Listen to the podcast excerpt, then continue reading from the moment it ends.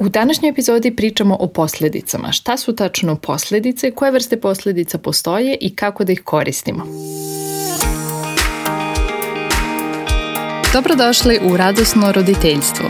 Ja sam Ana, a ovo je podcast u kome pričamo o svim temama vezanim za roditeljstvo i koji vam nudi ideje i inspiraciju kako biste pronašli još više radosti u roditeljstvu i uživali u svojoj deci. Mišljenja koje iznosim u podcastu baziraju se na naučnim istraživanjima iz oblasti psihologije i dečijeg razvoja, a pre svega na primerima iz stvarnog života i mom ličnom iskustvu sa mojom decom.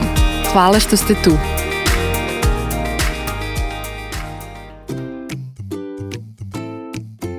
Posledice su još jedan od roditeljskih alata. Ne bi trebalo da bude jedini koji koristimo, zato smo na ovom podcastu već pričali puno o raznim drugim mogućnostima. O našem odnosu sa decom, o dnevnim ritualima i strukturama, o aktivnom slušanju, o dogovaranju sa decom, o zajedničkom rešavanju problema, o tome kako da gledamo na dečije ponašanje i kako mi bolje da reagujemo, kako da naučimo dete boljim načinima ponašanja i slično. I pored svega toga će postojati situacije koje će biti dobra prilika da dete nauči da njegovo ponašanje ponašanje ima posledice na svet oko njega, da njegovi postupci i reakcije imaju stvarni efekat. I po mom mišljenju je važno da te situacije iskoristimo kao priliku za učenje i da pokažemo deci da način na koji se mi ponašamo, način na koji komuniciramo sa ljudima oko nas, odluke koje donosimo, da će to sve naići na reakcije kod drugih ljudi i da će imati posledice.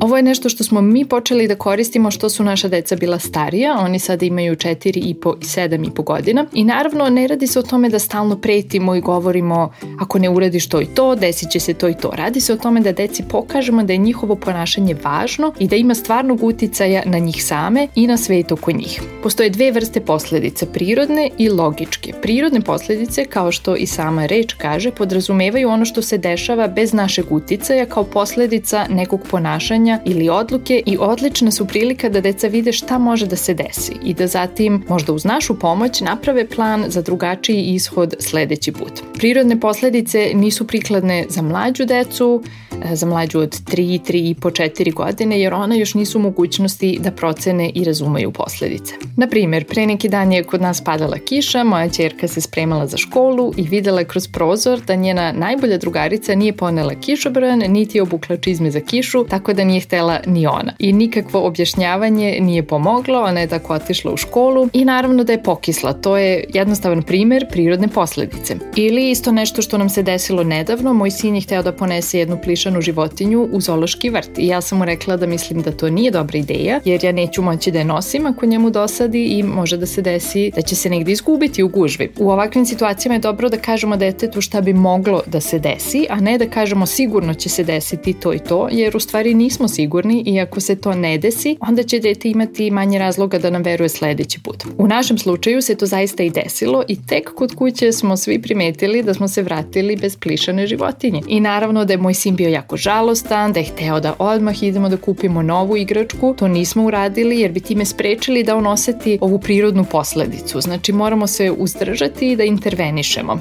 Pokazali smo empatiju, ja sam takođe pazila da ne kažem eto vidiš, rekla sam ti, znala sam da će se to desiti zašto me nisi poslušao. Znači probimo da se uzdržimo i od pridikovanja jer bi to samo pogoršalo celu situaciju i nema potrebe za tim. Sama posledica je najbolja lekcija. I kada se moj sin umirio, ja sam mu još jednom ispričala šta se desilo, probali smo da se setimo gde je ostavio igračku i u jednom trenutku je on sam rekao drugi put neću ništa da nosim u zološki vrt. Tako da na kraju možemo sa detetom da napravimo plan za sledeći put, možemo da pitamo šta misliš, šta bi mogli sledeći put da uradimo da se to ne desi. Logičke posledice su one koje mi stvorimo, koje proizilaze iz detetovog ponašanja i imaju veze sa tim ponašanjem. Na primer, ako ne vratiš igračke na svoje mesto, sklonit ću ih do sutra. Ili ako toliko špricaš, morat ćeš da završiš kupanje i izađeš iz kade. Ili ako udaraš drugu decu na igralištu, morat ćemo da idemo kući. Ovde se ne radi o kaznama, nego o nečemu što jednostavno ima smisla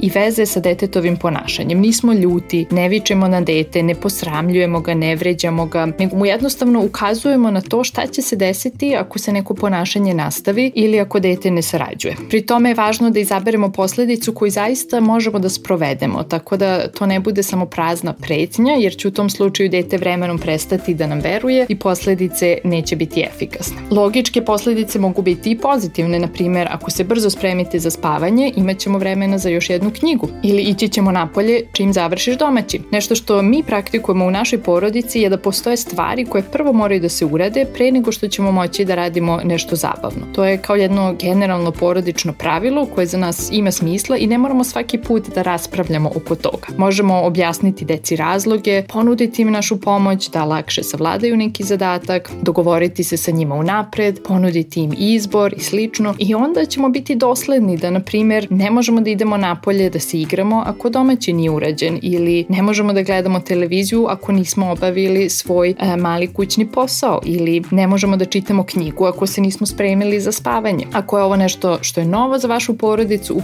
početku možemo očekivati otpor, ali vremenom će to preći u naviku i postaće nešto što mi u našoj porodici jednostavno tako radimo. Ponekad se kod logičkih posledica radi jednostavno o autentičnoj komunikaciji. Naprimer, ako dete nešto zahteva i pri tome viče na nas, možemo reći ako to tražiš od mene tim tonom, nisam raspoložena da ti pomognem. Molim te, probaj da me to pitaš ljubaznije. I ovo je prilika da dete nauči da ako smo sa nekim neljubazni, ta osoba nije spremna da nam pomogne. Što su deca starija, to postaje važnije da ih naučimo o uzrocima i posledicama, o tome da njihovo ponašanje i izbori koje donose utiču na njih same i na druge ljude, da im omogućimo da vide vezu između njihovih akcija i rezultata tih akcija i to možemo uraditi bez ljutnje, bez manipulacije, bez postramljivanja uz pomoć različitih vrsta posledica.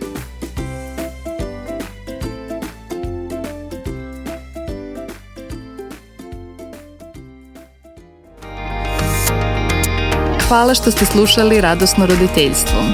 Ako imate neko pitanje, predlog ili samo želite da mi se javite, pošaljite mi e-mail na adresu podcast.radosnoroditeljstvo.com ili popunite kontakt formular na web stranici radosnoroditeljstvo.com. Čujemo se za dve nedelje.